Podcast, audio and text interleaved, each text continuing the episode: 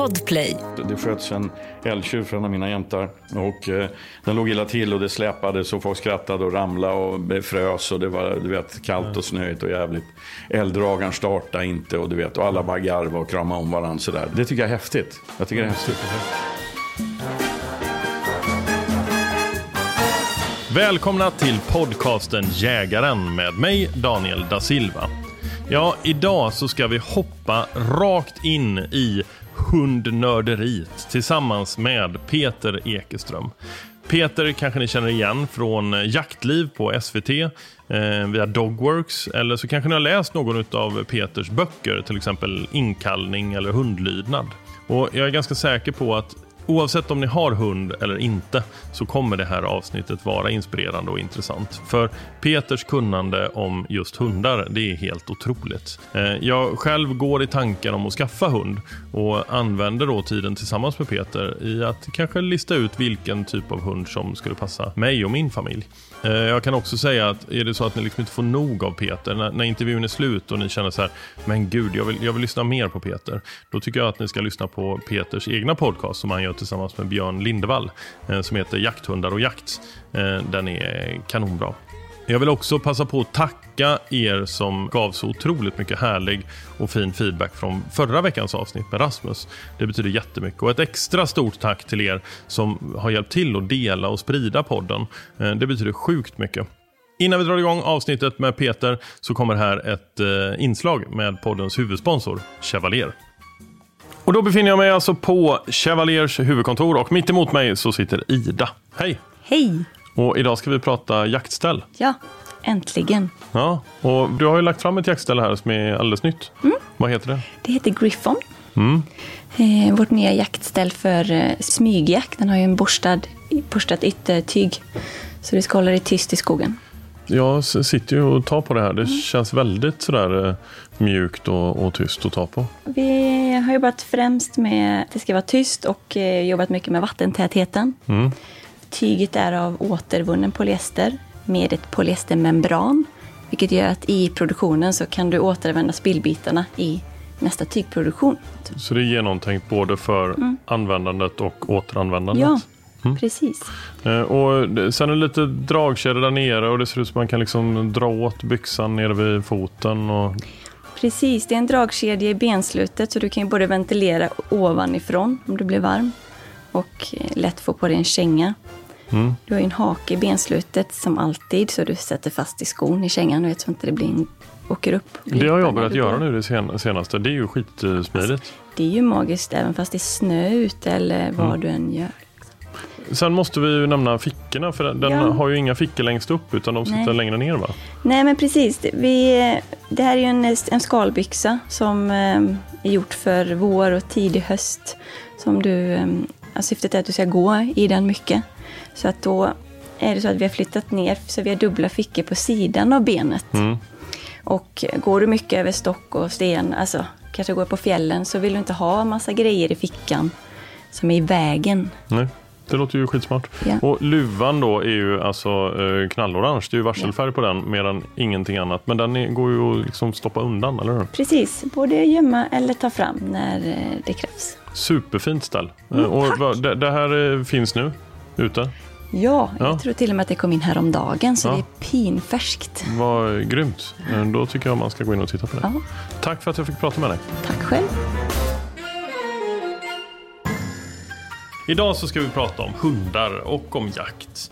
Eh, Jag har fått äran att träffa jägaren och hundnörden Peter Ekeström. Ja, som ni förstår så kommer detta avsnitt handla mycket om jakthundar. Men självklart ska vi även prata om Peter som jägare, hans bakgrund, vad som driver honom eh, till att lägga i princip all sin vakna tid på jakt och hundar. Så jag säger välkommen till podcasten Jägaren, Peter. Tack så mycket. Kul att vara här. Härligt. Det ska bli superhärligt att prata med dig. Hur mår du? Jag mår bra tack. Det, det, det är toppen. Alltså. Ja. Det är en fin dag. Vi befinner oss i Söderköping. Och du bor här va? Jag bor här. Ja. Det är ett bra ställe att bo på av många skäl. Inte minst ur jaktlig synvinkel. Nej. Det finns, Östergötland är ett bra jaktlän faktiskt. Det, det är det verkligen. Eh, jag är ju liksom runt på en liten turné här och så pratar jag med, med erfarna, duktiga eh, människor som eh, brinner för samma sak allihop, nämligen jakt. Och du är enormt duktig på hundar. Och du har hållit Ja. på med jakthundar och hundar hur länge som helst. Ja, alltså det, är- men det är många som är duktiga men vi, vi har ju lite olika specialiteter. Men jag har ju snöat in på det här med rena löshundar, alltså självständigt jagande hundar. Ehm, och det häftiga med det är ju att man har en, en jaktidiotig hund som, som jagar med mig och för mig och framförallt som kommer när jag ropar på den i skogen. Det, det är målet liksom. Det är inte så lätt alltid men, men det, det, då är det riktigt häftigt att jaga med hund. Eh, Inkallning är ju någonting som vi kommer att prata om idag.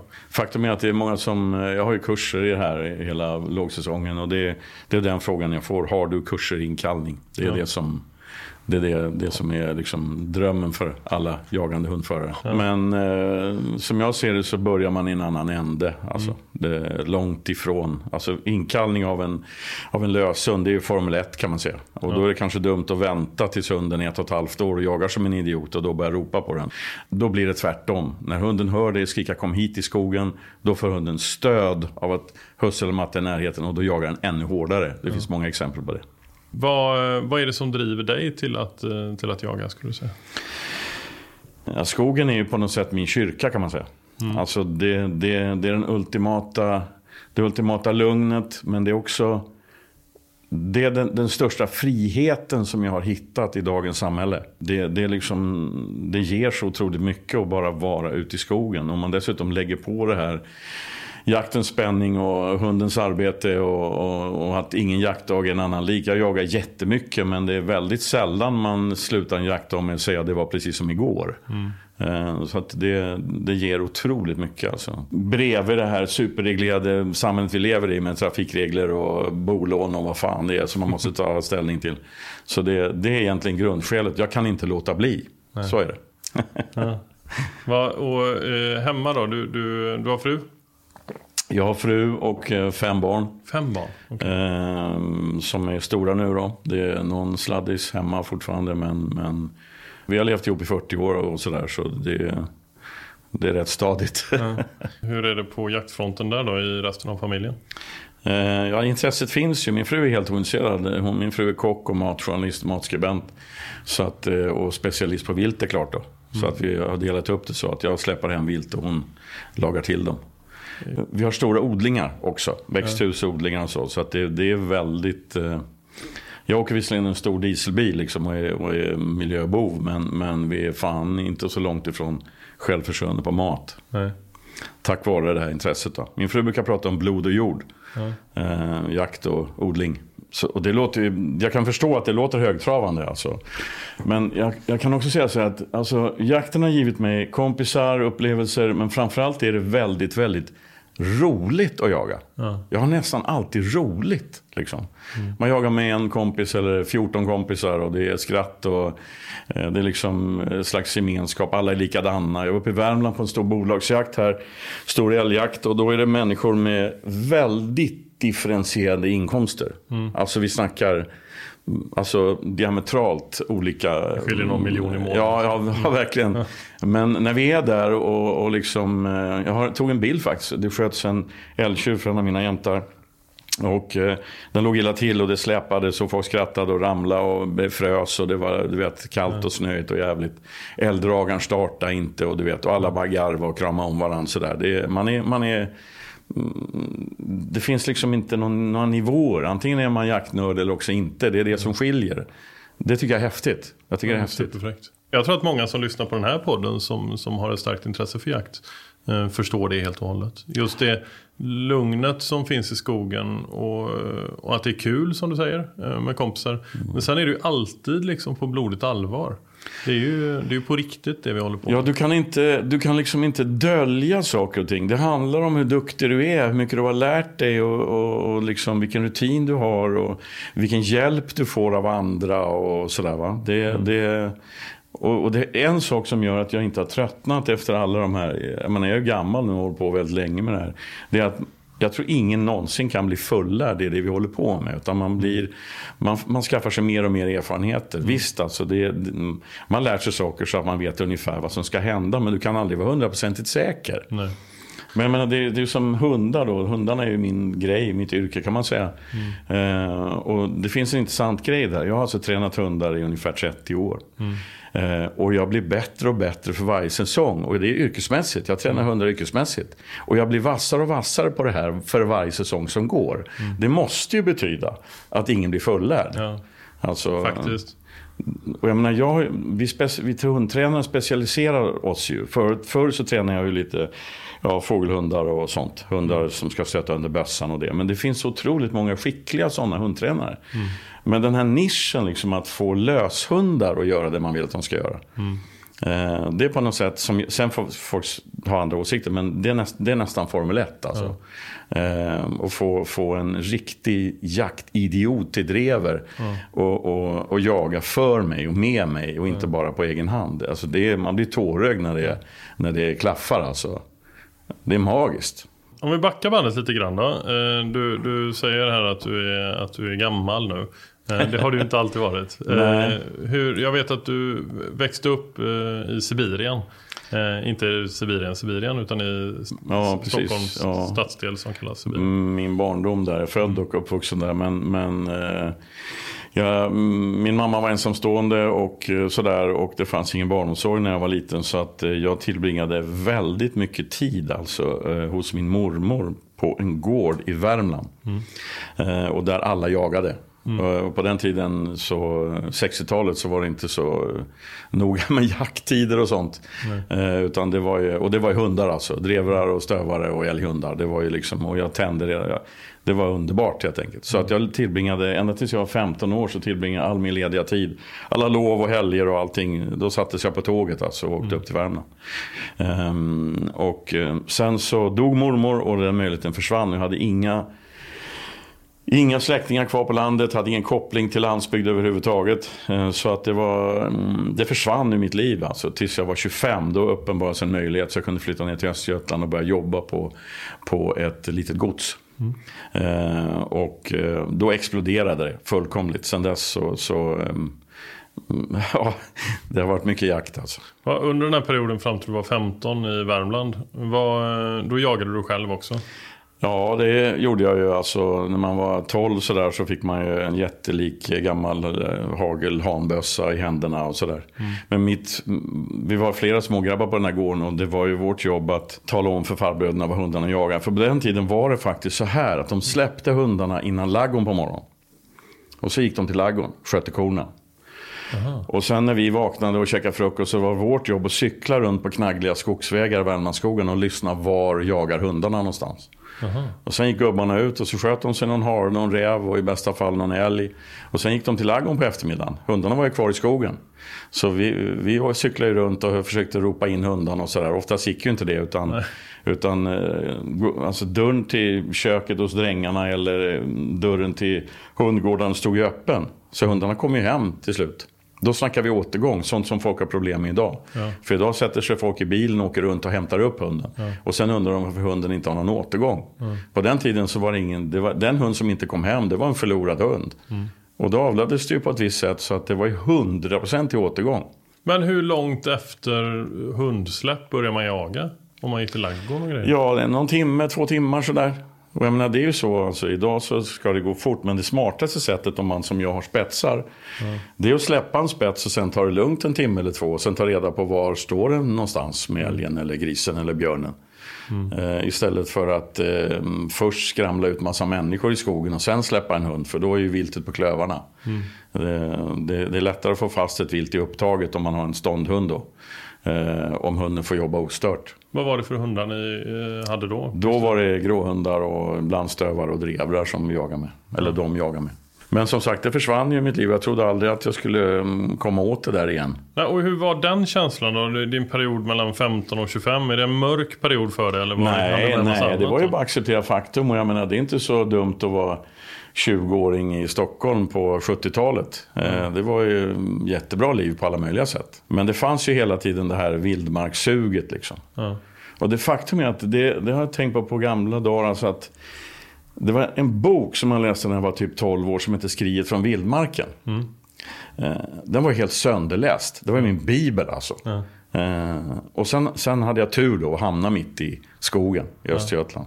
Så vi flyttade till en kåk utan eh, rinnande vatten och, och sånt. Eh, så det var verkligen eh, det var verkligen, eh, ja, det var, mm, ja, folk trodde ju att man var tokig liksom. När var detta? Ja, 80, mm, mitten på 80-talet. Och sen, sen dess har vi bott kvar i Östergötland helt enkelt. Ja.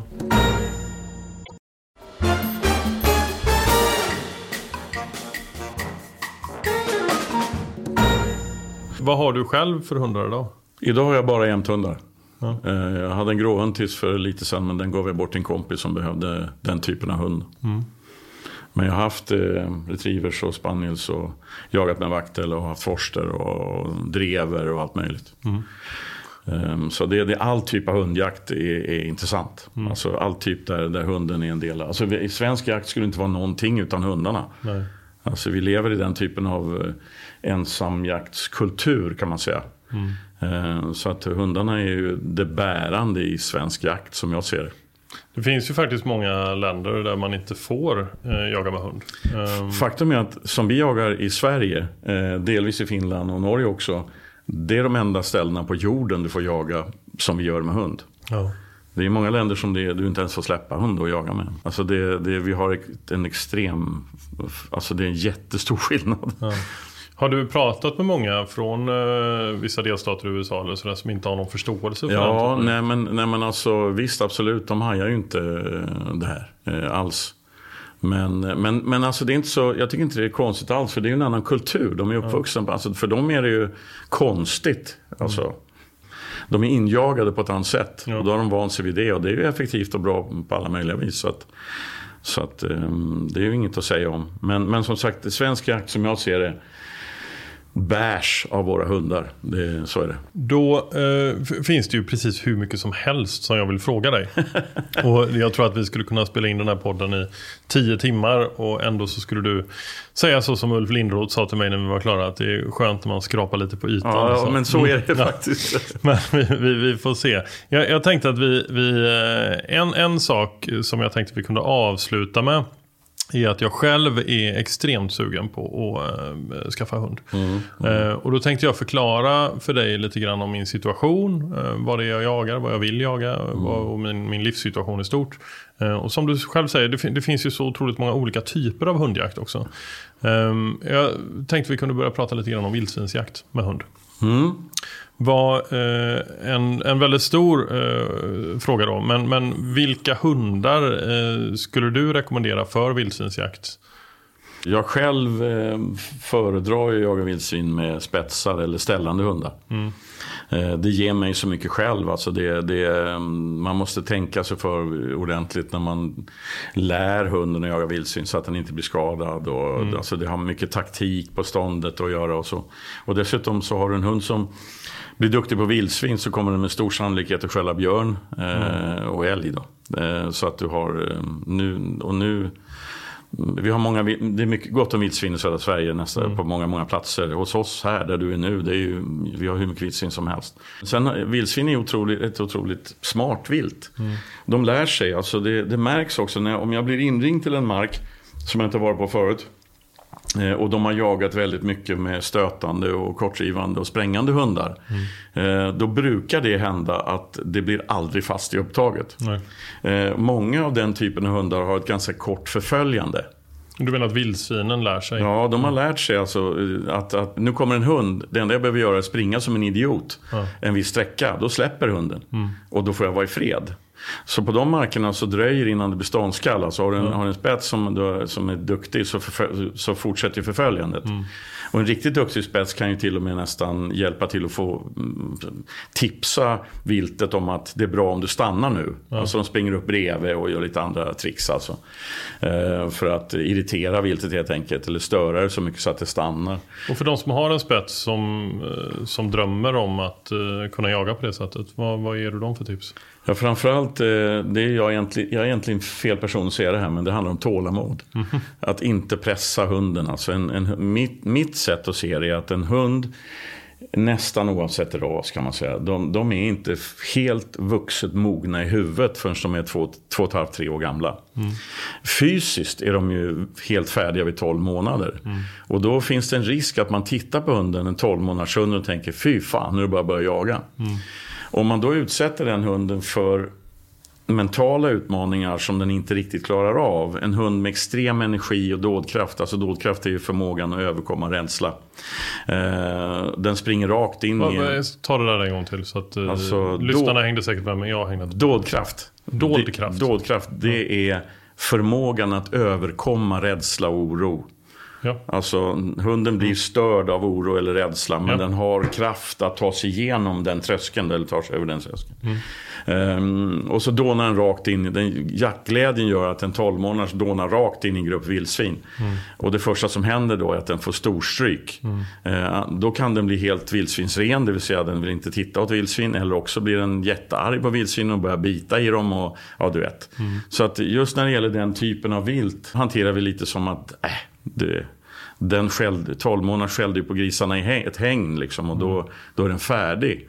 Jag tror man ska ta det lugnt, man måste ha tålamod. Alltså, det kunde gubbarna i Värmland när jag var grabb. Alltså, mm. det, det var, en gråen var inte färdig förrän den var tre år gammal. Det visste mm. de om. Alltså, det var bara så. Du kan inte ställa krav på en hund om den, innan den är mentalt färdig. Nej. Men, men alltså, det finns många åsikter om det där och jag är inte säker på att jag har rätt. Men de spetsar jag har haft och gjort så med de har blivit helt okej. Okay, mm. alltså. Och gammelhunden jag har, Orka, hon, hon är nio nu. Eh, ja, hon är duktig på gris alltså, det är inget mm. snack om det. Eh, hon, har, hon har fått en minimal skada, en fem stygn typ, mm. av en bete längst bak på rumpan en gång. Och ändå så går hon ju hundra släpp om året eller något. Mm. Eh, så att mm, tar man det lugnt, jagar in klokt, lägger, sätter inte press på hunden utan den får... Just en intressant sak med ståndhundar eh, är ju att eh, de är ju... Alltså kan, en retriever kan du ju träna portering med mm. i konstlade miljöer. Mm.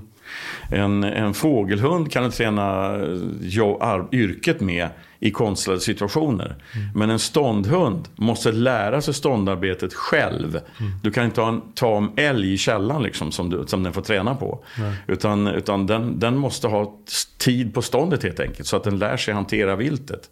Och, och har man bråttom då när hunden är ung mm. och fälla vilt och sådär. Då, då, då sabbar man ju lektioner för hunden. Det, så, det visste de ju förr, det gjorde man ju förr. Man lät hundarna stå.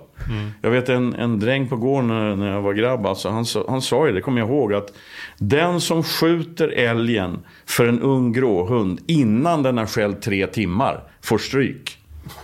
För att då sabbar man den lektionen liksom. Det är rätt, eh, rätt tydligt budskap. Ja, ja, men alltså det var ju, alltså, de gjorde så. De fick ju fram hundar som stod för fan i dygn med älgarna. Ja.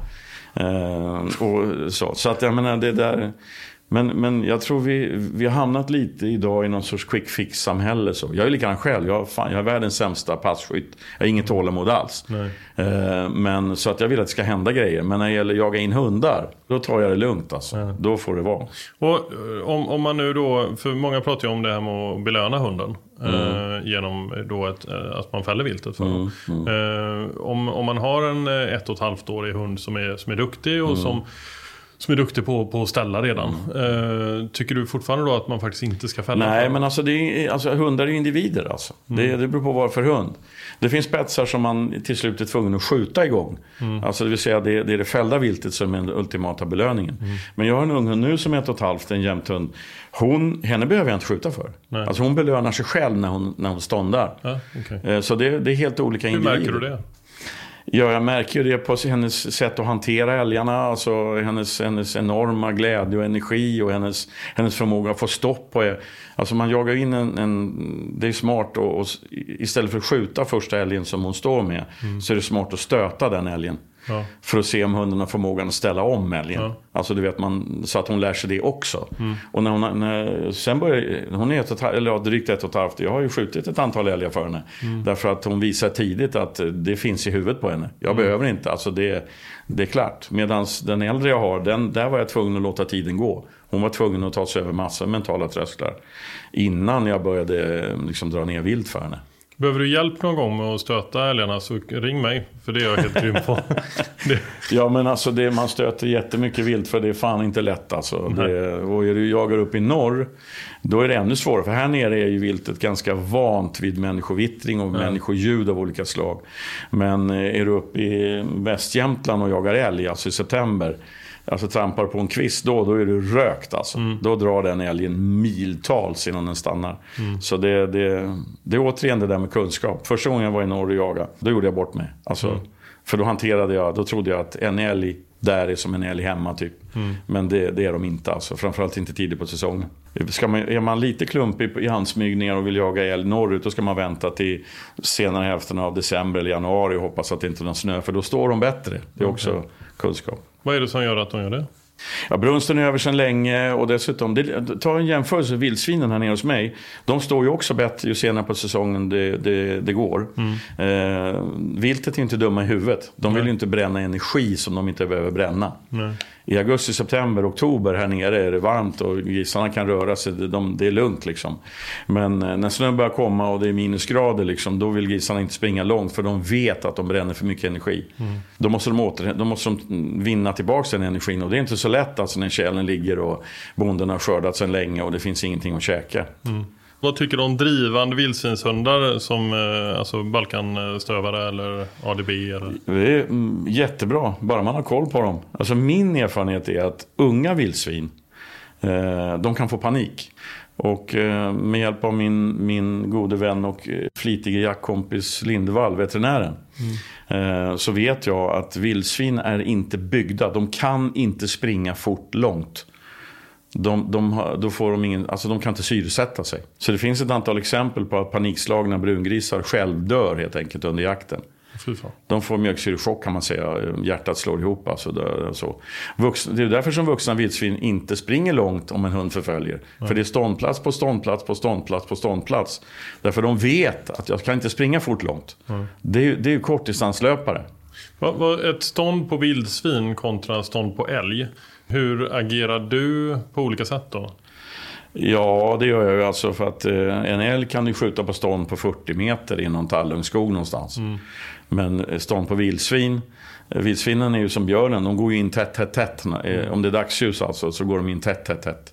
Så då är det bästa sättet då, nu kommer vi till det som du ska prata om senare, men då kommer vi till ha en vettig inkallning på ståndhunden. Ja.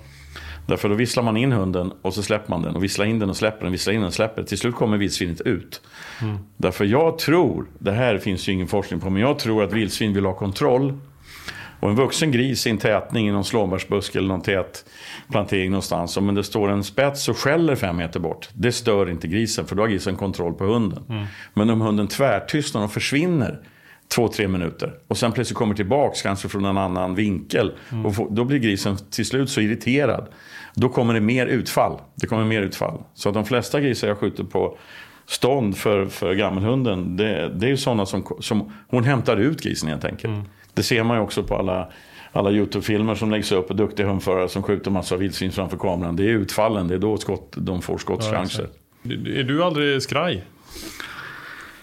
Om du vet att det är en stor sugga eller galt. Nej men alltså man får ju adrenalinpåslag. Alltså man, blir, man vänjer sig, man blir snabb. Alltså, eh, jag var uppe och jagade björn nu i Västernorrland i augusti och, eh, med en tjej som är skitduktig på det här. Hon, eh, och min unghund hade ståndskall på en björn i ett par timmar alltså, i, en, i en tätning. Och då var jag inte kaxig kan jag säga. Hon tyckte att... Men var du rädd för hundens skull då? Eller Nej, nej, alltså jag, en stor björn, de är ju jättefarliga, du vet så. Man, man har en väldig respekt. Ja. Men när, och jag känner flera som jagar björn mycket och varit inne och, liksom, och skjutit björn och plåtat björn på jättenära håll, kryper in på ståndskall. Men när de är nere hos mig och jagar vildsvin och jag går in och skjuter en gris på en meter, då får de panik och tycker att det är jätteläskigt. Så att du blir ju bra på det du gör.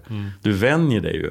Och jag har jagat gris jättelänge med hundar och blivit påsprungen två gånger på 25 år. Alltså, det är extremt ovanligt alltså. Då har jag gjort bort mig. Eh, till exempel i en Vad, vad, vad har du gjort då? Ja, men alltså jag, jag, att jag, jag missbedömer vad som händer och så kliver man ut på, på växeln. Alltså på växeln istället för att ställa sig bredvid. Därför man vill, det är lättare att smyga på växeln, där är det mindre växtlighet i en vass till exempel. Lättare att gå. Och då går man på växeln istället för att gå bredvid växeln. För grisen kommer ju på växeln.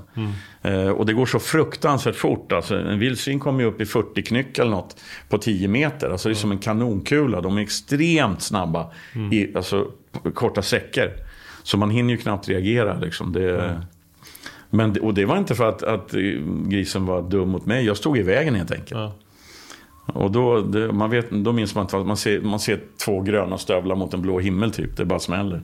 Ja men alltså det, det är ju det här, alltså det här, den här känslan man har. Jag tycker att det är enormt spännande att stå på ett rävpass till exempel. En bra stövare som piskar en räv. Och så har man funderat och, och kollat och så ställer man sig så Kommer... kommer... Förlåt, bra stövare som piskar en räv. Vad, vad, vad innebär det? Det är hårt, alltså bra tryck i drevet. Ja, en stövare som verkligen har enormt tryck i drevet. Så att räven går inte i gryt, men den håller inte på trick. Den hinner inte trixa så mycket. Utan, utan det, det, är en, det är enormt tryck i drevet så att, så att räven hela tiden i rörelse. Och så smyger man någonstans och står och väntar och så ser du ett par rävöron och sådär. Ehm, och, och har du tur då så har du ställt det rätt och får den där skottchansen. Det är ju lika spännande som att gå in på ett grisstånd eller eller en bra tax som driver rådjur och du funderar på var du ska stå. Och så får du en, en, ett smaldjur i knät i princip för att stå på rätt ställe. Det är ju magiskt alltså. det är lika spännande det. Ehm, närkontakt med viltet alltså. Det, det tycker jag är riktigt häftigt. Ja. Som att vänta in gässen liksom. Vänta, vänta, vänta, vänta, vänta, vänta, vänta tills det nästan blir svart ovanför en och sådär. Det är magiskt eh, häftigt. Hur tänker du för att, det, det finns ju tyvärr många som har eh, hundar som har skadats i eh, samband med vildsvinsjakt eh, framförallt kanske. Eh, hur, eh, hur tänker du där? Vad, vad kan man göra för att eh, någonstans minimera skadorna på hunden? Ja, alltså jag, jag tror att det, det finns, eh, som jag ser det då, eh, så är det fyra grejer, fyra komponenter. Och nummer ett, det är att jaga in hunden klokt. Alltså pressa inte en ung hund, alltså, utan låt den lära sig själv vad vildsvin är för typ av vilt. Nummer två, se till att hunden är i fullkomlig, hundraprocentig fysisk toppform innan jakten börjar. Hundar funkar ju som människor fysiskt alltså. Om, om, när du är tot- jävligt vältränad, då orkar du också hålla mental koncentration längre. För det är när koncentrationen brister som smällen kommer, kan man säga. Ja. För man, hunden orkar inte hålla koll riktigt. Och nummer tre, jaga taktiskt. Det vill säga, läs vad som händer. Storma inte bara rakt in. Eh, framförallt unga hundar. Alltså, nu får ju, det finns ju många idéer om det här. Jag säger inte att jag har hundraprocentigt rätt. Men som jag ser det så är det så. Har du en relativt ung och oerfaren hund som står och skäller vildsvin. Och då är du jättesugen på, naturligtvis jättesugen på att skjuta för den där hunden. Och då, då rör man sig bak, alltså man går, kom, går ju upp med, alltså bakom hunden. Motståndet. Du hör ju åt vilket håll hunden skäller och så går man in. Då märker den här unghunden att du kommer. Då händer två grejer. För det första tappar hunden fokus på jobbet. Fokus på vildsvinet den har framför sig. Och har du otur, då känner hunden stöd från dig när du kommer in på ståndet. Då går hunden närmare vildsvinet. Okej. Och då kommer smällen. Och nummer fyra, det är skyddsväst. Många frågar ju det. Jag jagar vildsvin med hund och det första man tänker på är en skyddsväst. Det är skitbra. Alltså, säg inte att det är dumt. Men, men det är nummer fyra i de här tre, fyra komponenterna, som jag ser det alltså. Min vän Lindevall, veterinär, som jobbar på ett stort djursjukhus i vildsvinsregionen här. Alltså, han får in mängder med vildsvinsskadade hundar från 1 oktober till sista januari. Och påfallande många av dem har haft väst på sig. Därför västen är inte heltäckande. Alltså. Och dessutom kan hunden bli torpederad från sidan så revbenen går och mm, punkterar en lunga trots att den har väst och så. Så att västen är inget eh, självskrivet hundraprocentigt skydd. Vissa tycker ju att västen gör hunden mindre rörlig. Ja, det stämmer ju. Eh, Och att det skulle vara ett problem i sig då. Ja, men det stämmer ju klart. Alltså, eh, men är västen jättesmidig och lätt och, och sådär och den är van vid det så är det ändå så att det faller tillbaka till en av de andra komponenterna, nämligen det fysisk, hur fysiskt vältränad hunden är. För ska den ha väst, då måste den fan vara fysiskt vältränad så att den orkar klara av den extra tyngden, den extra orörligheten och så vidare. Men, men som jag ser det så är det nummer fyra helt enkelt. Vad använder, vad använder du för väst på dina jämtar? Jag har um, ett antal olika västar. Jag jobbar med det här så att jag har ju testat de västar som finns. Så att jag har ett antal västar och um, orkar då som jag går mycket efter. Den gamla jämten då, um, som jag mm. går mycket lösa eftersök med. Där har jag en väst när jag, när jag tror att hon behöver det. Mm. Uh, när jag misstänker att det är en benskjuten stor gris till exempel. En, en, gris med tre ben springer lika fort som om den hade fyra. Så att det är en farlig gris. då, då kan jag sätta på henne en väst. Mm. Och sen har jag konstruerat en egen väst också, men, men det behöver man inte ta här. Jaha, varför då? Ja, alltså tillsammans med min vän veterinär så har vi designat en väst som så småningom kommer börja säljas. Då. Den är extremt lätt och följsam med ett nytt sorts material för att jag, tycker inte att, jag tyckte att det fattades en sån på marknaden. Coolt. Men du vill inte prata mer om den? Ja, den är inte framme än. Det finns Nej. prototyper och vi har börjat sälja några sådär. Men den kommer väl framåt hösten. Det har tagit lång tid alltså för den, den skyddar bakdelen på hunden. Ja. Också, vilket ingen annan väst gör. Eh, den är öppen, de flesta västar är öppna bak. Mm. Men påfallande många skador sitter från ljumsken och bakåt. 70%, alltså veterinären igen då, han har ju mm. statistik. 70% av alla vildsvinsskadade hundar de har smällen från ljumsken och bakåt. Mm. Och längst bak skyddar ingen väst idag på marknaden. Men den är på G då? Den är på G. Vet du vad den ska heta? Ja, alltså den, jag gör den tillsammans med en, en webbutik-kille som, eh, som Swevest heter, företaget swevest.se. Han har döpt västen till Orka som min nästa jämthund heter. Ah. Den kommer börja säljas framåt eh, hösten, tror jag. Vad roligt. Eh, tanken var väl att presentera den på någon av mässorna men de är ju uppskjutna long gone. eh, så småningom. Men vi får se. Och jag vet inte, jag kan inte säga att den är bättre egentligen än någon annan väst. Men, men jag gillar den. Ja. Jag gillar. Ja, men den får man ha utkik för då. Ja, om du ska jaga vildsvin och, och, om din hund behöver väst, för det är också en parameter. Mm. Eh, är det, hur jagar din hund? Alltså, mm. Behövs det verkligen en väst? Jag, jag kan alltså, personligen bara som, som eh, drevskytt, för det, det är ju många som har som kanske inte har en västväst utan bara en, alltså en färg, Signal, signalväst. Det är jättebra. Det är... Jag älskar det. Ja, jag, jag fattar faktiskt inte varför man inte har Nej, det. men det, det vill jag att mina hundar ska ja. ha när det är större jakter, absolut. Jag menar spetsar förföljer ju tyst alltså. Ja. Så att eh, det, det, ska man ha. En signalväst ska man definitivt ha.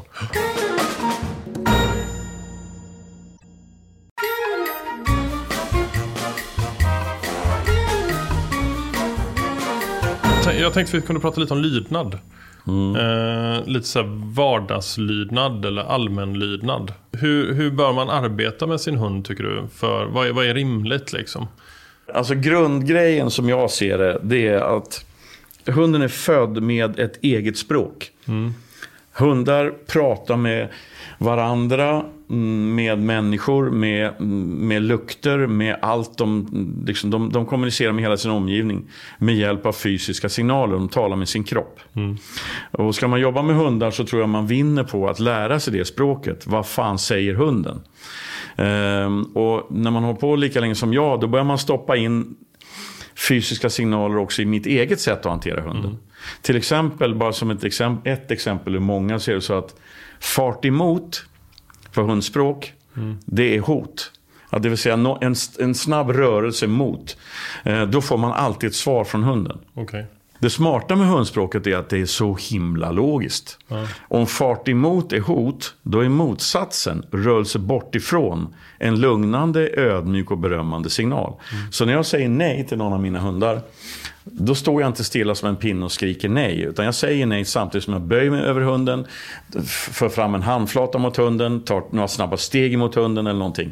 Det är, det är min fysiska signal som de ser och reagerar på. Mm.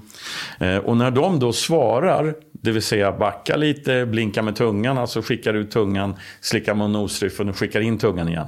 Det är en smart visuell signal. Mm. Det är en rosa tunga, svart nosriffel, mörk nosriffel. En annan hund kan inte missa den signalen. Det är som en lampa som blinkar. Då säger hunden förlåt kan man säga om man pratar grov svenska. Då. När de liksom slickar sig just om nosen. Just det. Ja. Eh, eller viker ner öronen eller sänker svansen eller på något sätt. Ja. Då tvärvänder jag och backar två steg. Och, och då kommer hunden. Ja. Då kommer hunden till mig. Så snabba är de i sina signaler. Men vi människor har en tendens att använda mänsklig kommunikation. Mm. Koppel är ett exempel. Eh, min erfarenhet är att drar en hund bakåt i kopplet och vill den framåt. Mm. Och ändå går folk och rycker hunden i, bakåt hela tiden för att den inte ska gå framåt. Mm. Det är missförstånd helt enkelt. Så, hur, hur gör du då? Jag petar till hunden på rumpan så den tittar på mig och när den tittar på mig så tar jag ett steg bakåt och då kommer hunden. Ja, okay. Eh, eller också måste jag koppel så sätter jag fast koppel. Ja, du ser inte det, jag har en kabinhake i bältet här. Mm. Jag har en kabinhake i alla mina bälten. Mm. Om jag har hundarna i koppel då sätter jag fast kopplet på min kropp. Mm. För då är händerna fria och då kan de dra lite hur de vill, det är inte obehagligt. Mm. Men håller jag kopplet i handen och de drar, då blir jag förbannad direkt. Det är jobbigt när någon drar i min men. Men förlåt, du jagar ju inte nu. Du, du har alltid en kabinhake? Ja, ja visst. Ja. När jag promenerar med hundarna på stan här eller vad du vill. Ibland har jag ett koppel som är 40 cm långt så att hunden är slickad mot mitt ben. Ibland har jag ett koppel som är 5 meter långt om vi knallar på någon grusväg någonstans. Om jag måste ha dem kopplade alltså. Mm. Mitt mål är att kunna ha jaktidioter lösa egentligen då. Mm. Men eh, folk blir skraja om man kommer med lösa jämthundar så att eh, det är bättre att ha ett koppel på dem. Mm. Blir de skraja för hunden eller för dig? Ja, det, vi ser likadana ut nu för tiden. Min fru säger att skägget har jämthundstäckning nu för tiden. Ja, nej men alltså det, det, och alltså, ja, det finns så många superbra sätt att träna hundar på och få lydnad och så. Men jag har lärt mig att det här sättet att kommunicera med hundar, fysiska signaler, mm. det gör att de gillar att vara uppmärksam på mig. Mm. Och, och, all hundträning bygger på att vinna hundens uppmärksamhet. Mm. Ska du till exempel få en, en ståndhund, en ung ställande hund och komma när du ropar i skogen. Mm. Då vinner du på att försöka kalla av hunden från älgen mm. innan du skjuter älgen. Mm. För då kallar du in hunden mm. och så fort du får in den då säger du du är duktig du och så kan du föra tillbaka den till älgen igen. Mm. Då är du inne i hundens belöningssystem. Kom mm. till mig får du vara där borta. Hundar är inte så jävla smarta. Alltså, kom, vill du vara där borta, kom hit först så får du vara där sen. Gör man det, så, gjorde, så gör jag med mina spetsar när det gäller grisar. Då. Att i början så, det är faktiskt så, ja, det har jag tålamod till. Alltså jag skjuter inte förrän jag har inkallning. Och det kan ta, med unghunden så tog det tre timmar för, i början på höst förra säsongen. Till slut fick jag av henne. Mm. Då kunde jag få tillbaka henne. Nästa gång kom hon snabbare. Mm. Och så småningom så förstod hon ju att inkallning betyder inte koppel och, och allt det roliga slut. Utan kom till mig får du vara där borta. Och samma sak med en drivande hund. Jag tog, jag tog en omplacering. En drever. Agnes hette hon.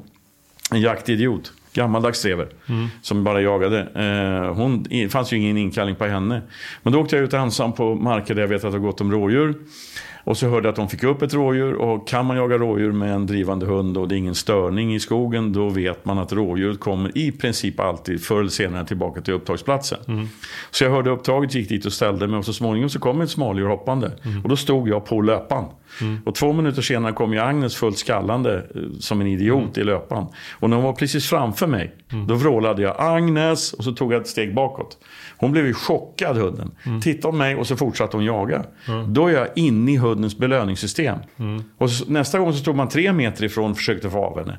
20 meter ifrån och försökte få av henne och sen skicka tillbaka den till löpan igen. Mm. Funkar inte det, då backar man 30 centimeter ifrån igen. Så håller man på sig. Till slut så, jag fick aldrig 100% inkallning på Agnes, men 70-80% i alla fall. Mm. Jag blev ju unisont med jakt. Det är klart att hon kommer till mig, för jag är ju jakten. Mm. Du förstår hur logiskt. Ja, alltså, det är verkligen, all hundträning bygger på superlogiska tekniker som jag ser det. Men vi människor har en tendens att överjobba saker och ting. Vi, vi liksom utgår ifrån vårt sätt att tänka. Mm. Vi teoretiserar och analyserar. Och det, jag, är, jag är betydligt mer, som du säkert har förstått vid det här laget, mycket mer pang på rödbetan. Liksom. Ja, du är, är praktisk. Ja, ja alltså det, det, mm. man måste jobba med hunden i den miljö där man sen ska jobba med hunden, om man uttrycker mig så. Då. Jag tänker att vi ska prata mer om, om, eh, om inkallning såklart. Men, men eh, lite mer det här med signaler, alltså hundens signaler. Hur du tolkar dem. Det är ju superintressant. Eh, slicka på nosen eh, och så Ja, men alltså, men alltså hundarna är ju födda med det där språket. Alltså. Det, det, det, de, de, de kan det automatiskt. Alltså. Och det, mm. en, en, vanlig hundägare som är ute och promenerar med sin hund, oavsett ras, om det är jakthund eller inte. Man är ute och går på en, på en motionsstig någonstans och plötsligt så stannar hunden och stirrar rakt in i en buske. Mm. Och växer två centimeter, skjuter fram mungiporna och stirrar rakt in i busken och spänner kroppen. Då talar hunden med en vittring eller ett ljud som du inte har känt. Mm. Hundar hör ju sex gånger bättre än människor. Mm. Och nosen ska vi inte snacka om. Mm. Eh, den reagerar alltså och talar. Och eftersom den är ett flockdjur, hunden, ett hundraprocentigt flockdjur, så tror jag att den talar till dig. Den talar om att där är någonting jävligt jobbigt, vi måste agera utåt här nu. Mm. Och sen går du vidare med hunden 10 meter och så tittar hunden rakt in i en annan buske. Mm. Och sjunker 2 centimeter och får långa mungipor. Och viker öronen bakåt och svansen sjunker. Då talar hunden om för dig att där är någonting jävligt jobbigt som vi får akta oss Det här är läskigt. Direkt läskigt, här vill jag inte vara. Eh, så att, eh, Inte jag heller känner jag. Nej, nej men alltså du förstår. Alltså, Ja, ja, visst. och jag är ju nörd alltså. Jag har ju, jag har ju lagt tusen timmar i valplådor och sånt där. Alltså, eftersom jag är så otroligt nördig på det här. Men tycker du alla hundar oavsett ras som du har haft och jobbat med, just de här två exemplen som du pratar om här nu. Mm. Eh, tycker du att de, de agerar på ungefär samma sätt? De agerar, alltså hundar använder ju sina, olika hundindivider använder signalerna olika kraftfullt olika mycket. Men generellt kan man säga så här då. Alltså, du får ju bromsa mig här för jag är total nörd på det här. Men allting som är mjukt och bakåt. Det är ödmjuk, lugnande, jag vill inte bråka kan man säga. Allting som är hårt och framåt. Korta mungipor, spänd kropp, öronen framåt, hårda. Du vet, det är någon form av hot eller nu ska jag ta dig eller jag är modig. Jag kommer vad klara kan det vara? Det kan vara eh, att de känner att det finns en Ja, älg. det, det kan vara att de hotar något eller, eller det där ska jag fan ta eller någonting annat. Ehm, och, och, och det där har jag sett så sjukt många gånger. Då har jag, det har jag börjat använda när jag jobbar med mina egna hundar och hundar på kurser och så. Att man, att man lutar dig framåt och spänn kroppen bara. Då kommer du få ett svar från hunden. För att den lyssnar inte på svenska språket. Den tittar på din kropp.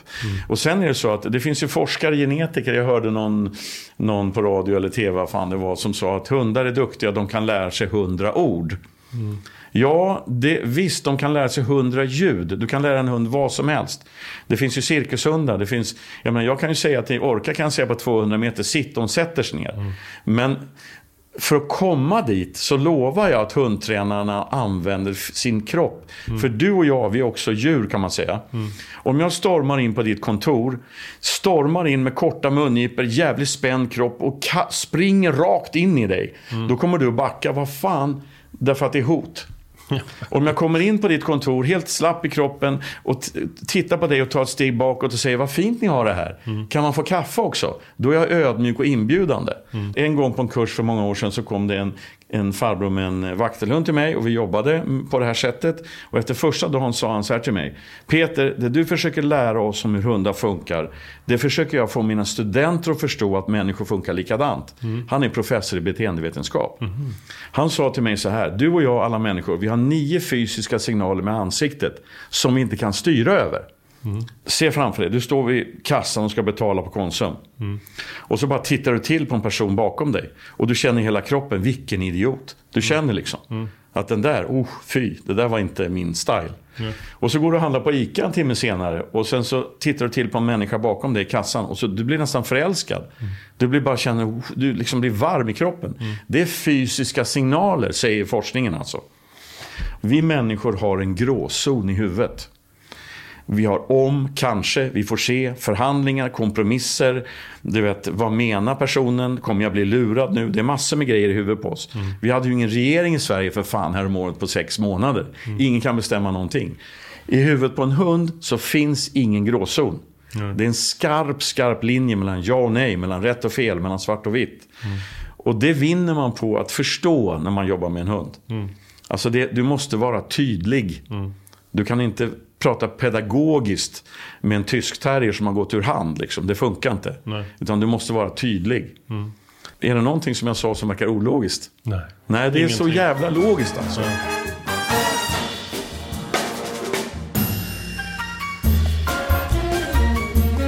Om vi tittar lite på inkallning då. Eh, eh, hur bör man arbeta för att få till en bra inkallning på sin hund i olika situationer? Tycker jag? Ja, Jag tycker du ska börja. Du hämtar en valp som är åtta veckor. Okej? Du har varit där några veckor innan och valt ut en valp. Och sen tar du valpen och så gör du en klassiker. Du sätter valpen i en papplåda bredvid dig på sätet eller något. Då händer någonting tror jag. Om jag ska uttrycka mig väldigt grovt här. Då tänker valpen, direkt tänker valpen så här. Jag kommer att dö. Var är, var är etiken? Var är mina syskon? Snälla uppfödaren, lukterna, fällen, maten, tuggben. Allting är borta. Men hundar är överlevare och anpassningsbara som fan. De tittar upp på dig, för du sitter ju där med pipiga rösten. Du och jag ska bli bästa vänner och du ska bli jaktchampion och det där va. Då tittar valpen på dig och tänker, de, tänker valpen, okej, en livlina. Sen kommer du hem, så släpper du ner valpen på köksgolvet. Så får du nosa runt lite grann. Sen klappar du ihop händerna eller något. Du visslar till, du, säger, du hojtar till eller stampar i golvet eller någonting. Då kommer valpen titta på dig. Garanterat. Om du direkt när valpen tittar på dig tvärvänder och går bort ifrån valpen. Vad kommer hända då tror du? Ja, den går efter dig. Valpen kommer efter dig och vad gör du då? Jag belönar. Vad gör du just när valpen vill till dig? Den är på väg till dig, vad gör du då? Alltså jag personligen Då kallar du på den. Ja, okej. Då kommer inkallningssignalen. Gör du det när valpen är 8 veckor, 9 veckor, 10 veckor, 11 veckor, 12 veckor, du vet, mm, under en lång period. Då sitter din inkallningssignal i huvudet på valpen. Då betyder inte inkallningssignalen, jag måste avbryta det jag håller på med som är skitkul och vända mig om och komma till husse. Då betyder inkallningssignalen, jag är redan på väg till husse. Så grundlägger man en inkallningssignal, tycker jag. Gör man så så är det väldigt mycket lättare sen när den egentliga inkallningsträningen börjar. Och inkallningssignal, vad brukar du göra då? Ja, det beror på situation. Jag har massa inkallningssignaler, men eftersom jag är slarvig med, med prylar. Du ska se min bil, liksom. det ligger grejer ta mig fan överallt. Jag har väl 36 hundpipor jag kommer aldrig ta med dem ut. Jag kommer aldrig ihåg att ta med dem. Så jag visslar eller säger kom nu eller någonting. För det är min, det är min kropp. Alltså, förmågan att vinna uppmärksamhet. Klappa händerna eller stampa eller pip som en mus eller vad som helst. Ja, för, för, för det finns ju tillfällen där du eh, ska kalla in hunden och där det inte spelar någon roll om någon annan hör dig eller inte. Men i vissa fall, alltså ett ståndskall till exempel, och du vill ha inkallning, då vill ju du att hunden kommer till dig fast utan att älgen förstår att du är där. Ja, men det smarta då är ju till exempel om man, om man ska använda piper så köp en liten järppipa eller något. Som en fågel. Men jag brukar bara bara en liten, liten låg visselsignal. Jag återkommer till det som jag sa förut. Hundar hör sex gånger bättre än människor. Eh, då, det tänker jag på ibland när jag ser hundägare stå och skrika på sin hund i en rastgård. Det blir som en ljudtsunami i huvudet på en hund alltså. Jag måste visa dig ett klipp uh, faktiskt. Jag vet inte om du har sett det. Apropå inkallning.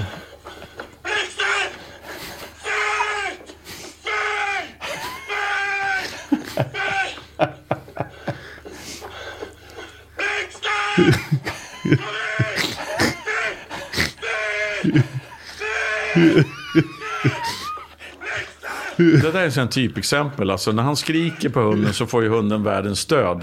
Alltså, kom så tar vi gubben. Kom, du också. Vi tillsammans. Bra, vi tar fanskapet.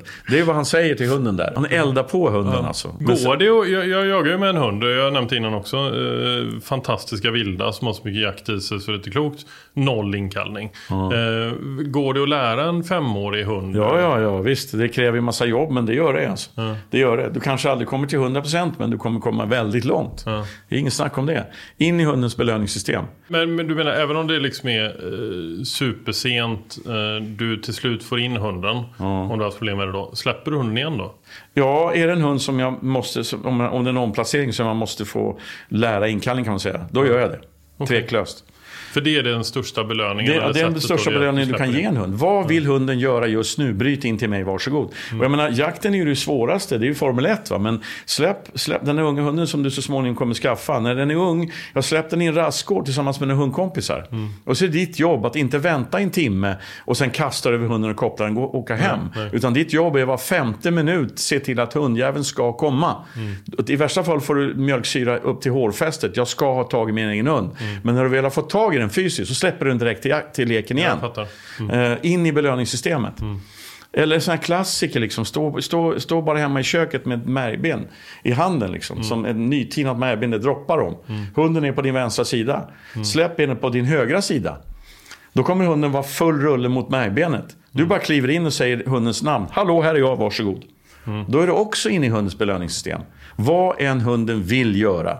Se till att du är där så att hunden får det hunden vill göra genom dig. Då växer ju ditt värde i huvudet på hunden.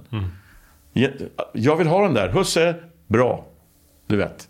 Alltså det, det, Ja, det är ju så sjukt logiskt och som du säger då, du är jakten. jag är, alltså för mina hundar är jag jakten. Men sen får jag lägga till också att jag har jakttokiga jämthundar. Och när Orka får upp, alltså, när hon, alltså i upptaget. Då kallar jag fan inte på henne för då kommer hon skita i mig. Alltså innan hon har kontroll på ståndet. Ja. Nej, och jag hör ju det. Och nu är jag, jag har jagat så mycket med henne så att vi är döpolare så att det skulle funka. Men unghunden, den kallar jag bara in när jag är så säker som möjligt på att hon faktiskt kommer komma. Ta ett annat exempel. Jag har ju ståndhundar då, men ta en stövare till exempel. En ung stövare i fullt drev på en hare. Kalla inte på den då, utan vänta tills den får tappt. För när den får tappt och håller på och trajar och försöker reda ut en tappt. Om du smyger upp då, då är det mycket, mycket lättare att få in hunden. För att kunna släppa tillbaka den till tappten igen. Så att bara man tänker lite logiskt. Va? Som den där filmen du visar, en stackars människa som skriker sig hes. Eh, vad han skulle göra. Blixten. Vad, nej men alltså Blixten, vad, vad jag, mitt råd till honom, eftersom Blixten försvann ju inte. Nej. Den var ju framför honom hela tiden. Mitt råd till honom är att ropa en gång, tvärvänd och springa åt andra hållet. Ja. Chansen skulle vara åtminstone 50% till att Blixten skulle få en chock. Ja. Husse drar. Jag vill vara med Husse. Och då hade han, Blixten sprungit efter sin husse istället. Men Blixten är ju supernöjd.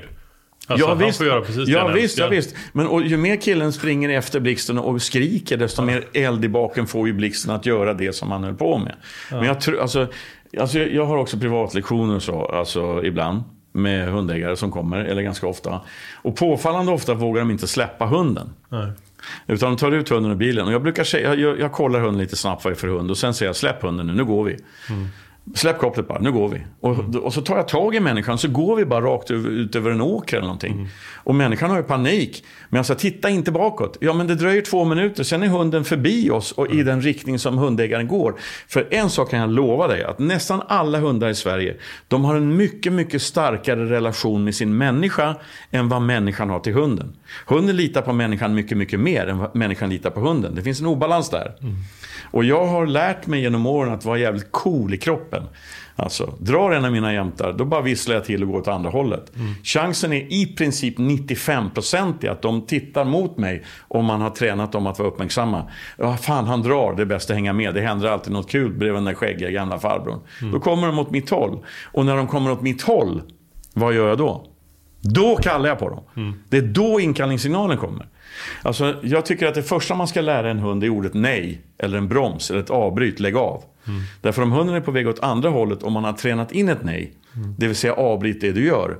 Har man tur då så stannar hunden och tittar på mig. Då kallar jag på den. Ja. Och Jag hur tränar du in ett nej då?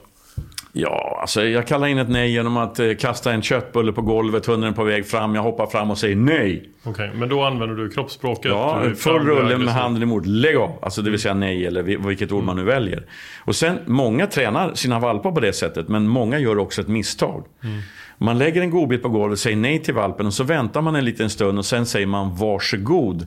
Till det man har sagt nej till. Hur konsekvent är det i huvudet på en hund? Hur ska man göra då? Du lägger en godbit på golvet, säger nej till hunden, tar upp den godbiten och ger hunden en annan godbit. För har jag sagt nej till någonting någon gång, då är det fan i mig nej. Du kan inte ta den.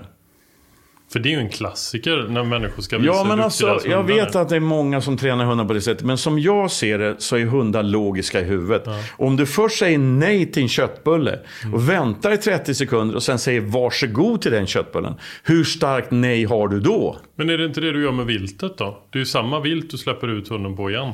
Ja, men jag säger ju inte nej, jag kallar ju av hunden. Ja, det är sant. Alltså ordet nej, det använder jag när jag, när jag bryter mina hundar. Det, det är stopp nu. Ja. Det är totalt lägg av. Och det tränar man in i situationer där man själv har 100% i kontroll. Och så småningom tänjer man på gränserna och provar när hunden är på väg fram mot en annan hund eller någonting. Och funkar inte nejet där, och då säger man nej, man säger nej en gång. Funkar inte det, då tjatar man inte nej. För då eldar man ju på hunden. Då backar man i träningen och kör köttbullen eller någonting annat. Ehm, eh, olika, på olika sätt. För att få, för jag tror att avbryt, alltså nej, det är grunden för inkallning. I, i, I Blixtens situation till exempel. Hunden springer mot en annan människa. Eh, till och med mina hundar skulle jag elda på med kom hit, kom hit, kom hit. Ja, då, då trycker man bara iväg hunden. För hunden har ju låst sig på människan. En ung hund där ordet kom hit, det vill säga inkallningssignalen, inte är inlärd på rätt sätt. Det finns många sådana hundar i Sverige. Då betyder inkallningssignalen säkert hundra olika grejer. För om du säger kom hit till en valp som sitter och tittar på en köksgardin i köket. Då betyder ju kom hit inte att valpen är på väg till dig. Det betyder valp att jag sitter och tittar på en köksgardin i köket. Och säger du kom hit till en hund som springer mot mormor. Då betyder ju din inkallningssignal jag springer mot mormor. Så man måste tänka sig för när, när kommandot kommer. När man tränar en vad, hund. vad alltså. säger du till hunden när den springer mot mormor och du vill ha inkallning? Ja, men alltså, men alltså, mm, för det första så försöker jag befästa nej. Jag försöker befästa uppmärksamheten. Och jag, säger, jag gör ett ljud, till exempel. Jag menar, jag, jag sjunger en liten strof för en gammal Springsteen-låt eller någonting högt så in i helvete så att hunden vänder sig om. Vad gör han nu? Och när hunden tittar, då går jag åt andra hållet, säger kom hit, lockat hunden till mig på något sätt. Förstår du? Ja, ja, alltså visst. jag bryter det hunden gör, inte med ordet kom hit. Nej. För då betyder ju inte kom hit, kom hit. Det betyder, utan jag gör någonting. Det var ett bra exempel. När det var mycket snö här i Söderköping. Jag gick en väldigt sen promenad med mina jämtar och då brukar jag, mitt i Söderköping här, brukar jag ha dem lösa. För det är lite folk ute och så, för att se om jag har koll och så utmana mig själv och så. Och sen så var det en hare som reste en bit bort, mitt i Söderköping här. Och jag såg på unghunden stelna och började smyga iväg mot där han hade sett haren. Och då kände jag att fan nu tappar jag det här. Då hoppade jag bakom en stor snödriva. Jag hojtade till och kastade mig bakom en snödriva så hunden inte såg mig. Då vet jag att hon undrar vart tog han vägen. Problemet med den kvällen, just den situationen var att när jag låg där mitt i natten i princip i en snödriva, en stor skäggig storjägare och väntade på min jämthund, då hör jag bakom mig Vill ni ha hjälp? Då kom en granntant med rollator i snömoset och ville hjälpa mig upp. Det var faktiskt kul. Det var kul. Ja, nej men alltså man, man, eh, om, om du, du kommer skaffa en valp, du är hundsugen nu, skaffa en valp. Och sen så har du valpen lös någonstans och du blir lite, vad fan, jag har inte koll på min valp, den är 15 meter bort. Jag provar då och skriker falsett rakt ut och lägg dig på marken. Raklång på marken bara. Det är inte din valp van vid att du gör. Då kommer nyfikenheten driva valpen med stor sannolikhet att komma fram till dig. Då tar du emot den och gullar med den och sen släpper du den igen. Alltså jag, jag skriker till, lägger mig på marken. Ja, då kommer får jag hunden. Då kommer-. Då kommer, kommer- och när då- den kommer, då säger jag kom hit. ja, då, när den är på väg mot dig. Kom, kom, kom, kom, kom. Bra, Ja, bra. duktig du. Och sen så gullar man med den, ger den en köttbulle och du vet hela det där. Eh, och rådet är att gulla ordentligt och belöna på annat sätt med fysisk kärlek och sånt innan du kopplar. Slit inte fram kopplet det första du gör, Nej. för, för då, då är det ju fängelse typ. Ja. Alltså, så. På mina kurser så, så mm, kör vi vänta-kommandot, alltså stanna kvar eller sitta eller vilket man nu, hunden ska vara kvar på platsen. Och det lär de sig jävligt fort, alltså, oavsett om det är tyst här eller stövare, de sitter kvar. Eh, och folk är jättemalliga. Och då säger jag när de har gått 10 meter bort, nu lägger sig alla på marken nu, och då lägger sig folk ner. Då bryter alla hundar kommandot. Ja, det är så. Därför att det är en annan situation. Ja. De är vana vid att människan ska stå en bit bort och titta på dem spikrakt upp. Då är de lydiga. Men när människorna lägger sig ner, då är situationen annorlunda. Då bryter hundarna kommandot och springer åt alla möjliga håll. Det är för att lä- lära folk att du styr dem med kroppen. Du måste lära dem att sitta kvar när du ligger ner, när du är på huk, när du vänder dig bort. Ja, du vet, på alla möjliga sätt. Men med Orka då till exempel, som, eh, som du har haft nu i nio år. Ja, henne kan jag i princip- skruva fast i backen. Alltså. Ja, det är så. Eh, Är det stor skillnad i jakten på jämtar och gråhundar? Nej. Det, det finns såna här klassiska Klassiska um, gamla skillnader, till exempel är det så att gråhunden är bättre på slag, alltså bättre på slagarbete, går med låg nos och spårar bättre och så. Och jämtar springer och, och tar i vind och så. Men det finns jämtar som är fantastiska att gå på slag och det finns gråhundar som har en enorm hastighet i skogen. Så att, Men du kan forma en jämte, Orka har gjort det med, alltså att henne, hon var ju en klassisk jämte. När hon var ung så gick hon med hög nos, sprang fort. Så henne spårade jag in alltså. Jag spårade jättemycket med henne. Och nu tar hon ju slag. Alltså när hon var 4-5 då kunde, hon, kunde jag bara ringa med henne runt en vildsvinsfoderplats någonstans. Och då tog hon slag och så gick hon tre kilometer och så hade vi ståndskall. Alltså klassiska jämthundar, de går snabbt med hög nos och tar vil- viltet i vind. Och klassiska gråhundar vill gärna ha markbunden vittring, de går på slag alltså.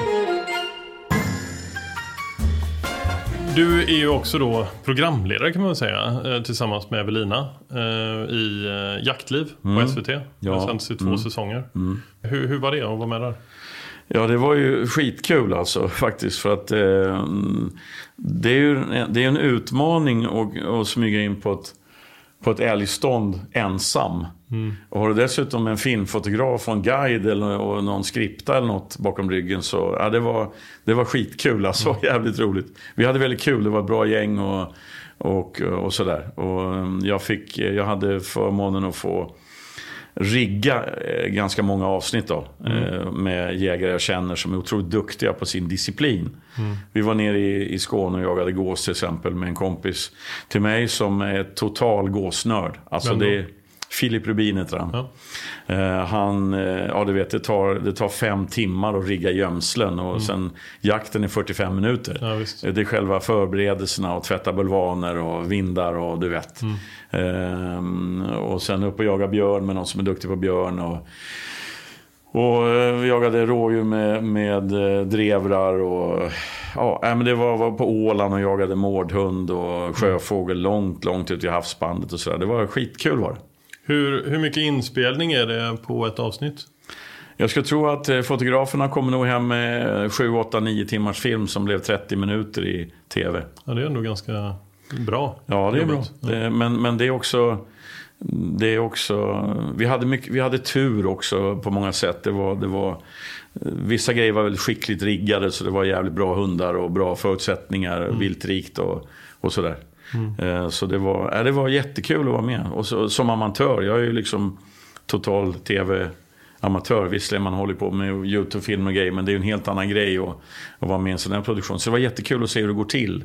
Vad skulle du själv säga under de här två säsongerna? Vad har varit den, eh, den vackraste upplevelsen? Ja, för min egen del så var det faktiskt när vi jagade skogsfågel med finspetsar med träskällare. Det var magiskt alltså. Det var... Har du gjort det mycket tidigare? Eh, nej, nej, inte alls. Eh, det har hänt, men, men, eh, men eh, det, det är ju ställande hundjakt eh, liksom på elitnivå. Det är så sjukt kul var det alltså. Eh, Det, det är eh, om ett, ett avsnitt eh, i den här podden från förra säsongen var Mm. med eh, Marco Lehtosalo. Eh, Och det är ju hans drömupplevelse någonsin. Den är, den är ju rätt häftig att lyssna på hans berättelse. Där. Men jag ska, ja, det är till och med så att jag, jag ska upp och jaga älg i, Jämtland i en septembervecka har vi bokat nu. Det är förmodligen björn kvar och vi ska jaga älg med mina hundar. Men jag, då ska jag också ta med en träskällare. Alltså för att det är jättegott om skogsfågel där. Det brukar vara gott om tjäder framförallt där uppe. Alltså för de, den jakten är, ja, den, den är fantastisk. Det var en magisk upplevelse. Och efter mycket slit och mycket gå lyckas ta sig in och smyga på en supervarsk tjäder. Du är liksom 10 meter från den här granen och den här lilla, lilla finspetsen skäller under rätt gran och 25 meter upp så sitter en jättetupp i topp alltså. Alltså jag, jag hade ju den där kikarsiktet i flera minuter innan jag sköt för det var en sån magisk bild. Alltså det var... Eh, och sen ramlar den där ner och då, då blir det, som jag sa förut i min kyrka, jag, jag brukar inte springa runt och skrika och sådär när man har skjutit ett vilt, utan det är, väldigt, det är en väldigt mild upplevelse. Man, man får ett slags lugn på något sätt och den här enorma vackra fågeln och hunden tittar på en och det, fan man blir gråtfärdig nästan bara av upplevelse av minnet alltså. Det, var, det var faktiskt eh, och ändå gjorde vi jättemycket grejer. Liksom, drog ner kniper i Ålands skärgård och sköt älg framför kameran och allt möjligt. Men just den, det, var, det var liksom säsongernas höjdare för mig. Det var det verkligen. Bara, bara fråga där. Du säger att du när du åker upp nu till, eh, till Jämtland var det du skulle vara.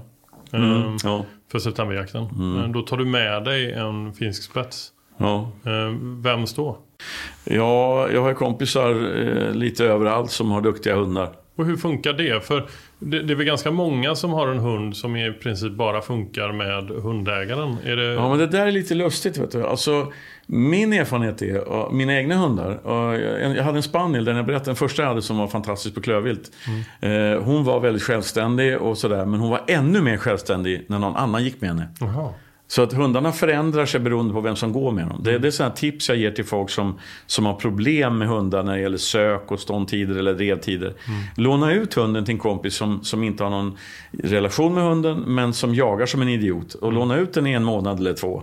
Nästan alltid så förändrar hunden sitt jaktsätt då. Så stark är en hunds relation till sin människa. Så en, ty- tydlig rekommendation då från din sida är att vill man att hunden ska förändra sitt beteende så måste man själv förändra sitt beteende först. Ja, men alltså om hundägaren förändrar sitt beteende med en vuxen hund, då kommer hunden förändra sitt beteende tillbaks. Alltså det är min absoluta erfarenhet. Eh, För vi, du och jag, vi låser oss något enormt i våra fysiska beteenden. Jag har ett exempel. När du kommer hem ikväll och ska låsa upp din ytterdörr. Stopp, byt hand. Nu ser du hur lätt det är att få in nyckeln i låset med fel hand. För du har alltid använt samma hand. Ja, visst. Eller imorgon bitti, när du svänger benen över sängkanten och ska sätta på dig brallorna. Stopp, andra benet först. Du kommer ramla omkull. För du har i, sen du var liten stoppat i det ena benet före det andra i brallorna. Så snabbt låser vi oss i fysiska beteenden. Och eftersom hundar till 100% går på dina fysiska beteenden så vet hunden vad som kommer hända innan du gör det. Därför du har en, ett visst rörelsesystem och så. Jag har ett exempel hemma. Om, klockan ringer, om telefon ringer klockan två på natten och det är min yngsta dotter som vill bli hämtad någonstans. Ja, då ligger gamla Orka kvar under köksbänken. Jag, har jag, har, jag, har, jag har inga civila kläder kan man säga eftersom jag jobbar med hundar hela dagen eller jagar. Så att alla mina brallor är benfickor typ. Eh, Jag sätter på mig kängorna och brallorna och sticker. Det finns ingen jämthund på, som i närheten då. Men om det ringer klockan två på natten och det är eftersök. Då sitter hunden på hallmattan innan jag kommer ur sovrummet. Därför att det är någonting med min röst, någon, mitt sätt att inte försöka väcka min hustru. Eller förmodligen, jag väck, om dottern ringer så väcker jag hustrun och säger nu behöver ungjäveln skjuts igen. Men om det är eftersök så gör jag ju inte det. Då försöker jag smi- Eller någonting. Alltså som gör att de, de läser ju situationen alltså. Ja, och förändrar du då dina fysiska beteenden så är det klart att, att du får mer uppmärksamhet från hunden. Så det, det är logiskt som jag ser det. Förändrar du ditt fysiska beteende får du ett annat svar från hunden. Så är det. Då tänkte jag ta tillfället i akt nu att få lite tips ifrån dig. Eh, för jag själv går i planerna att skaffa hund, bor i Göteborg. Har i princip ingen jaktmark supernära. Eh, vi har ett sommarhus som är nere i Skåne, på Österlen. Där jag kommer jaga ganska mycket framöver. Och sen så eh, jagar jag ganska mycket i Dalsland. I Dalsland så är det antingen pyrschjakt eller så är det drevjakt. Eh, Drevjakt? Eller, nej, eller löshundsjakt. Ja, mm. eh, Så.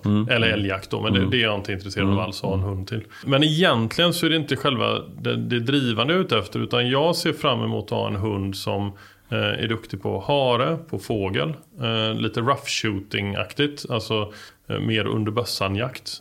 Mitt råd då, där Skåne pratar om, då, då skulle jag titta åt jaktkocker till exempel. Mm. Jaktspringer har jag tittat. Ja, jaktspringer eller jaktkocker, men alltså kockarna är fan inte dumma. Alltså, det, är, det är en jätterolig jakt. Ja.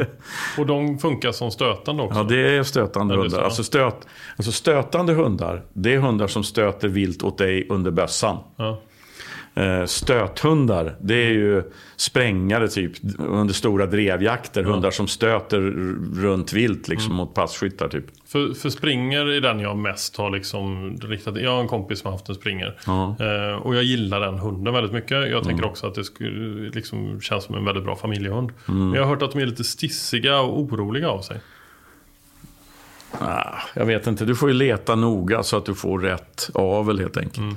Jag har ju haft spaniel, ett antal springrar. Och de har alla varit väldigt olika till sättet. Jag Mm. hade en som var magisk, som, det var liksom en, den bästa vaktel jag haft var faktiskt en springerspaniel. Mm. Eh, extrem klövvilshund. Och så den, den jag hade efter var från samma, samma uppfödare. Mm. Och ändå blev det en magisk rapportör och inte någon vidare alls på klövvilt. Så att det, du får leta det fram helt enkelt. Men, men jag tycker ett, ett tips är att också titta på jaktkockor. Alltså, för det är, det är skitballa hundar.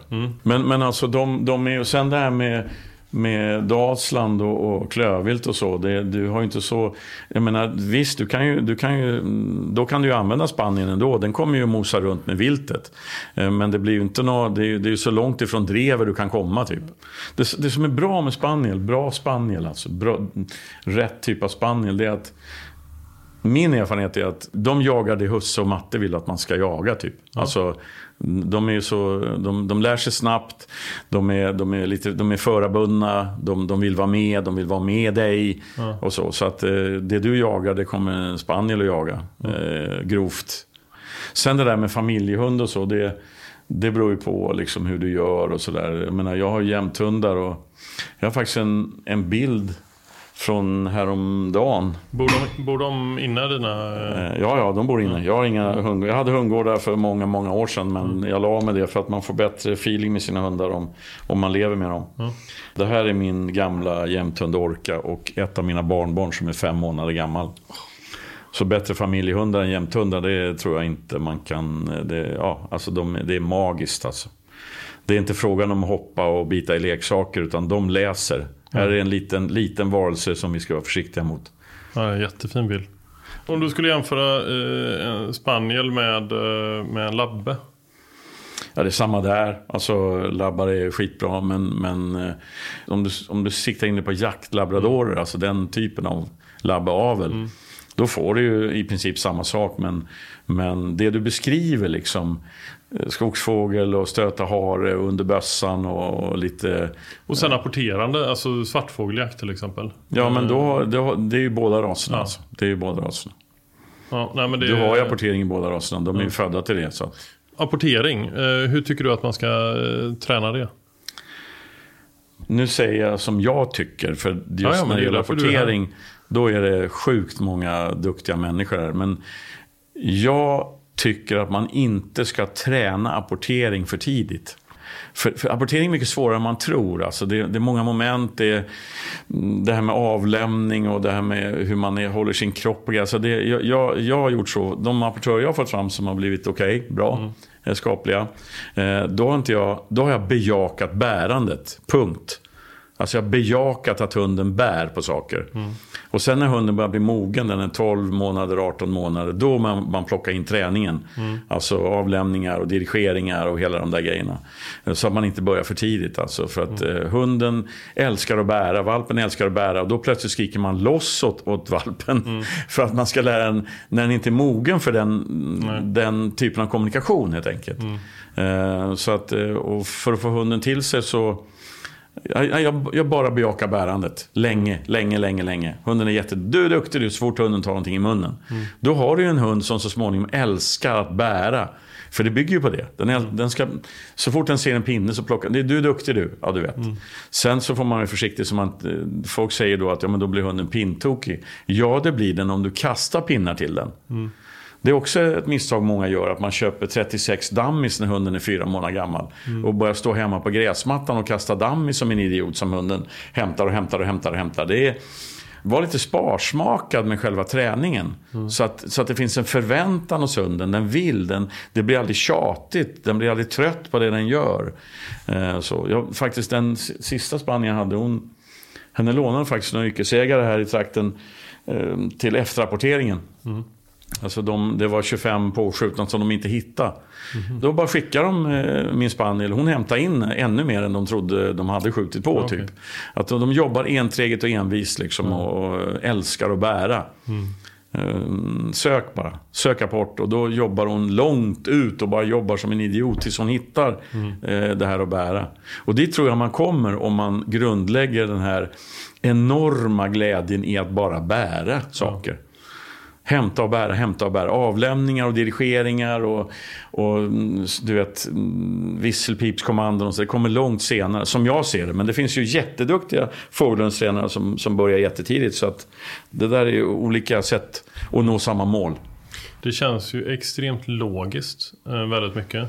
Men det känns också som att det är ju... Eh, alltså jag som, som, som husse någonstans, eh, som någonstans måste förändra mitt beteende. Nej men alltså du, du tänker som en människa. Alltså, ja. du, du, tänker som en människa och då utgår vi från att vi hanterar allting omkring oss ja. som om allting vore människor och tänk, fungerade som vi gjorde. Mm. Men djur är djur alltså. Mm. Det, om du tar en annan eh, djurtränare av något slag, de tänker likadant som jag, de professionella. De utgår ifrån hur funkar tigen i huvudet? Mm. Och så utgår man från det när man tränar. Så tycker jag man ska se på hunden. Hur fungerar hunden in i huvudet? Mm. Och sen anpassar vi sättet att träna och hantera hunden till, till det, till den mm. kunskapen. Mm. Det tror jag är smart. Sen sa du någonting som är intressant. Och min erfarenhet som har hållit kurser och mm, för hundförare hur länge som helst nu. Det är att om människan, återigen tillbaka till det där att hundens relation till människan är starkare än tvärtom. Mm. Om människan förändrar sitt beteende. Mm. Då kommer hunden förändra sitt beteende tillbaka som svar. Mm. Det är jag helt övertygad om. Alltså det har jag sett så många gånger. Mm. Och nu du, blir du ny hundägare. Du kommer göra hundra misstag. Och jag kan bara gratulera för det är en jävligt häftig resa. Mm. För det är någonting jag har gjort i mitt hundliv. Det är, jag har gjort tusen misstag. Mm. Men grejen är att jag har inte gjort om samma grej. Nej. Gör jag en grej som inte funkar då gör jag inte om den igen. Utan då hittar jag på någonting annat. Mm. Eh, men och, och det ska man ha i åtanke. Gör du någonting du behöver inte göra som jag säger. Men gör du någonting som du känner, det här funkar inte för mig min hund. Ja, men gör inte om samma sak då. Utan hitta på något annat. Mm. Det, det är liksom nyckeln som jag ser det. Eh, tusen tack för att du ville ta dig tid och prata Ja, det var kul. Men det, jag, vill, jag säger som Lindroth, vi har skrapat lite grann på ytan här. Ja, och det känner jag verkligen att vi bara har gjort. Men jag tycker det är så häftigt i vår bransch, i jaktbranschen, vi som jobbar i branschen. Eh, vi blir ju nördar på en liten, liten skärva i vad svensk jakt är. Ja. Det är därför som jag aldrig tröttnar på det här. För att jag, jag letar ju efter mer kunskap. Ja. Alltså när jag började jaga björn, ja, men då letar man efter de som kan det. Eh, du vet, eh, jag vill lära mig jaga, hur lockar man in räv? Då letar man efter den. Och då är jag en novis, då är jag en nybörjare. Ja. Kommer du med en gråen som inte funkar, då kan du komma till mig. För det har jag lärt mig en del om. Och det är det jag kan. Sen, är, sen jagar jag som en idiot och skjuter djur till höger och vänster. Men, men det är bara en, liksom en hobby, en glädje. Den här nörden, liksom, nörderiet. Eh, och det är en liten, liten del av, här, av, av, av jakten i Sverige. Så den som du träffar någon gång som säger jag kan jaga, punkt. Det är skitsnack, det kan jag garantera. Ja. För det vet jag. Ja. För när jag var 25 år då trodde jag att jag kunde det här och nu har jag blivit betydligt mer ödmjuk, det kan jag säga. Grymt. Tusen tack. Tack för att jag fick vara med. Lattjo.